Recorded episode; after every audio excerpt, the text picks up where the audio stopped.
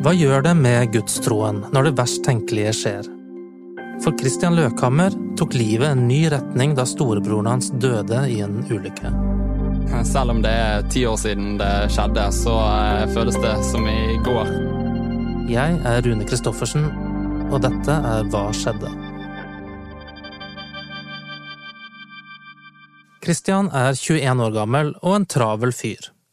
Ikke bare studerer han to fag, men han er også ungdomspastor i en menighet på Sotra. Dette halvåret har jeg studert litt dobbelt, da, så jeg studerer egentlig økonomi og eh, teologi. Ja, ok. Så det er jo litt sånn morsom kombinasjon, sier mange igjen. Så jeg tuller jo av og til med at eh, målet er å bli pengepredikant, men det er de, det er ikke.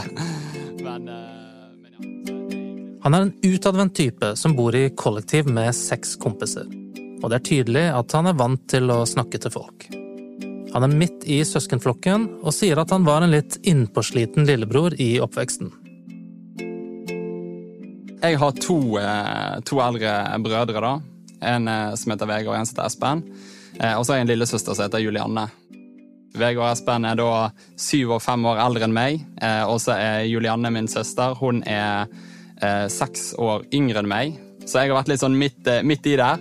Var lenge yngst. Fikk eh, gjennomgå litt av å ha to eldre brødre og prøvde liksom å klenge meg på. Jeg var nok litt sånn sliten, innforsliten eh, lillebror som prøvde å henge med og prøvde å liksom å være med. Som liten ble det en del krangling med brødrene. Men samtidig så han opp til dem og ville henge med dem. I dag har han bare én igjen. Christian kommer fra en kristen familie, men å gå på møter var ikke det han likte best i oppveksten. Det hendte at han ble bestukket med snop av foreldrene for at han skulle bli med, forteller han. Det er jo kanskje naturlig at da, da er ikke det nødvendigvis det som liksom er det kuleste, eller liksom Da er det kanskje litt mer sånn at du er med i kirken på søndagene pga. at foreldrene dine går der. Jeg var kanskje personlig kristen gjennom aftenbønnen og liksom og har lest barnebibel og liksom kunne fortellingen og den type ting. Men jeg hadde ikke tatt et sånt voldsomt aktivt standpunkt på at jeg sjøl eh, tror, uavhengig av mine foreldre. da. Så begynte storebrødrene hans å gå i Tremorkirken på Sotra. Christian beskriver det som en ungdomsbevegelse som etter hvert ble til en menighet. Der var det sang og musikk og et ungdommelig miljø. Og Christian så at søsknene hadde det kjekt og fikk venner der, så han ble med han også. Tremor betyr jo skjelving, hvorfor heter det Skjelvekirken? ja, du, det, det er et godt spørsmål, og det er sikkert eh, Det er sikkert ikke jeg som har det beste svaret på det, men jeg har hørt litt om det. da. Eh, det jo, eh, det kan bety litt forskjellelse, det kan bety skjelving, bevegelse, alt dette her.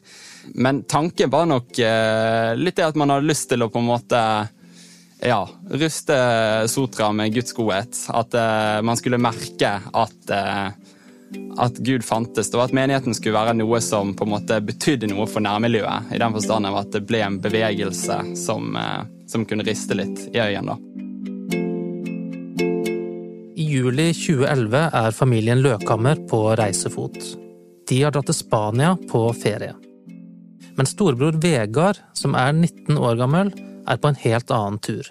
Han har dratt på misjonsreise til Romania.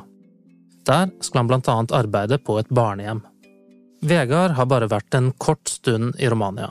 Så får familien hans beskjed om at noe har skjedd. Selv om det er ti år siden det skjedde, så eh, føles det som i går når det kommer til akkurat tid og sted for når man fikk vite det. Vi hadde vært i Spania igjen fem dager. Spiste vi middag sammen. Edvald Boasson Hagen hadde nettopp eh, vunnet en etappe i Tour de France. Og så eh, ble mamma ringt av et nummer hun ikke hadde, så hun tok ikke telefonen. eh, For vi spiste jo. Og så ble hun ringt en gang til, og så tok hun den.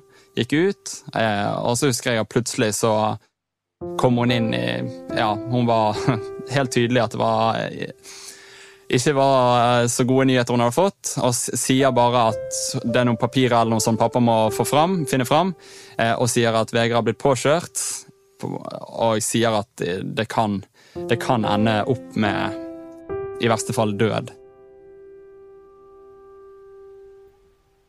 Vegard var en fotballgutt, og noe av det første han og de andre norske gjorde i Romania, var å finne noen lokale gutter å spille med. Mens guttene driblet hverandre på et jorde, så kom det en bil i stor fart på en traktorvei like ved. Den traff Vegard. Jeg husker jo når du får den beskjeden ut av ingenting, du er liksom i Syden og nyter eh, ferie, og alt sånn, og plutselig så får du den slått i deg, og alt er kaos, pappa begynner å løpe rundt. og, eh, og vi vet ikke helt hvordan vi skal håndtere det, så ender det egentlig bare opp med at vi går til hvert vårt og ja, egentlig knekker sammen, da. Eh, og tusenvis av fantasier i hodet begynner å surre av hvordan dette kan ha skjedd. Sant? og Du begynner å danne deg et eget bilde. Du har bare hørt at han er påkjørt. Hva er det som egentlig har skjedd? Hva er det som han er ute for? er han, jeg visste jo ikke om han var i koma på det tidspunktet. Har han store smerter? Hva, hva, hva er situasjonen? Så da ble på en måte livet snudd helt opp ned, og det har jo aldri vært det samme igjen. Mm. Og du var tolv år den gangen? Jeg var tolv år. Det var sommeren før jeg skulle begynne i syvende klasse. Så jeg var nettopp fullt tolv år. Vegard var hardt skadet og bevisstløs da han ble sendt til sykehuset. I Spania pakker Christian og familien koffertene og reiser så fort de kan til Romania. Helt surrealistisk. Jeg husker jo at vi var på sykehuset, og plutselig så kommer det liksom en gjeng trillende.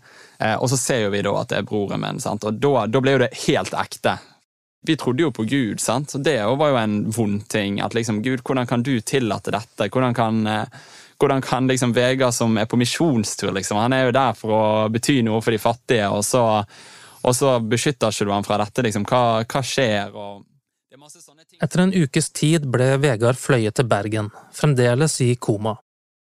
Christian sier det var godt å få broren hjem, og at pleien han fikk på Haukeland var fantastisk.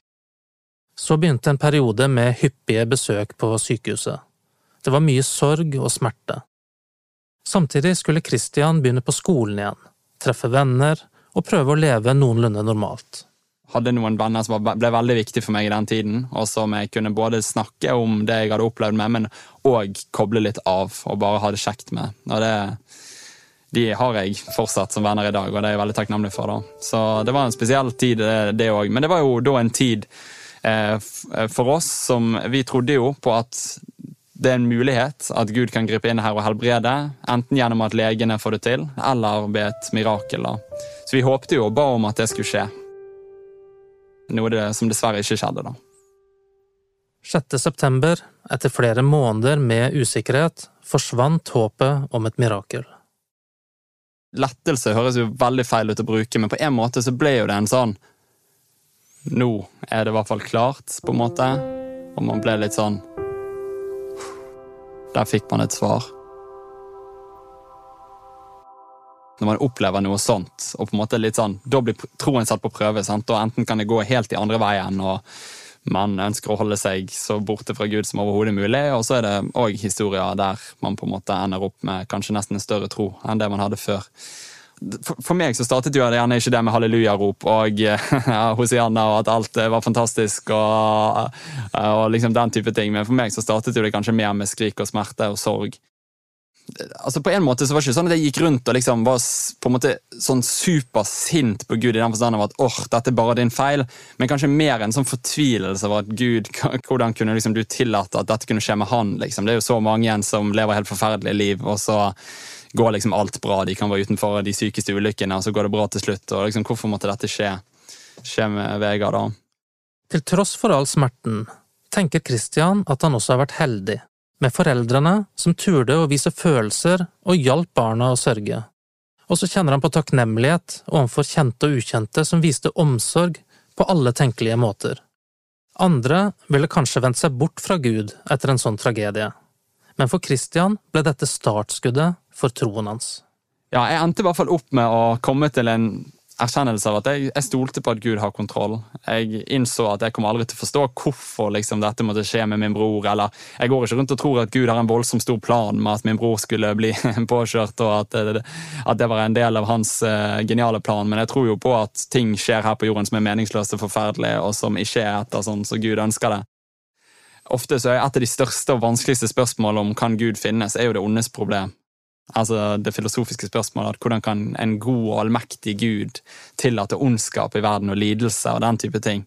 Og det har, føler jeg at jeg har opplevd litt på nær hold. Eh, så det har jeg lest mye på og studert mye og prøvd å liksom finne ut hva smarte folk eh, sier om dette spørsmålet, da, egentlig på begge sider.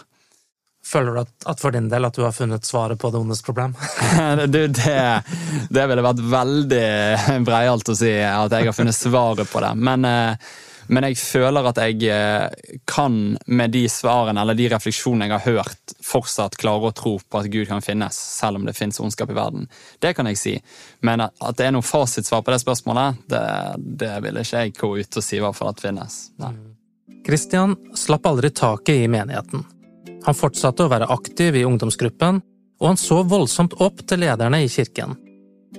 En dag dro ungdomspastoren ham til side og ba om en prat. Han spurte om Christian var klar for å ta over som leder.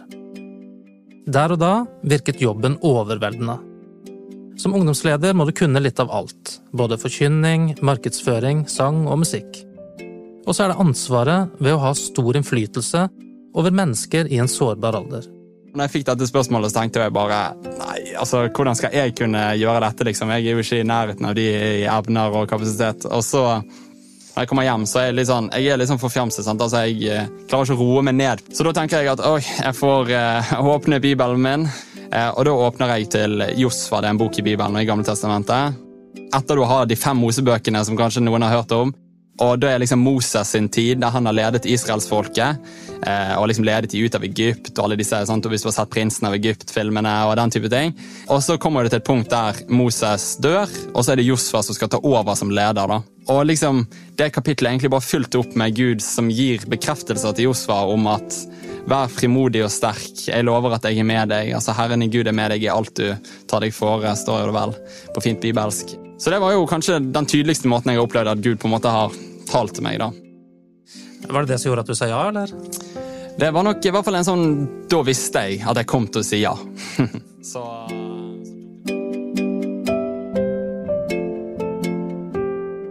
Ti år etter ulykken er det ikke først og fremst tap og smerte Christian sitter igjen med, men en opplevelse av omsorg og hjelp. Og ikke minst håpet om å se broren igjen. Vet du noe hva som skjedde med føreren? Eh, jeg er ikke 100% sikker, men jeg vet at det ble opprettet rettssak mot han, og at eh, det, var, det, ble en sak og alt sånn, og jeg lurer på om han fikk en, eh, en kort dom eller samfunnstjenestestraff eller noe sånt. Men det har på ekte ikke vært så veldig viktig. Kanskje helt i starten så hadde man en sånn der ja, han må sitte i livstid. Men, eh, men sånn i etterkant liksom, så har jeg liksom tenkt at ja, det, vi får ikke noe bedre av at han skal lide. Så på en måte så håper jo jeg at det går bra med han.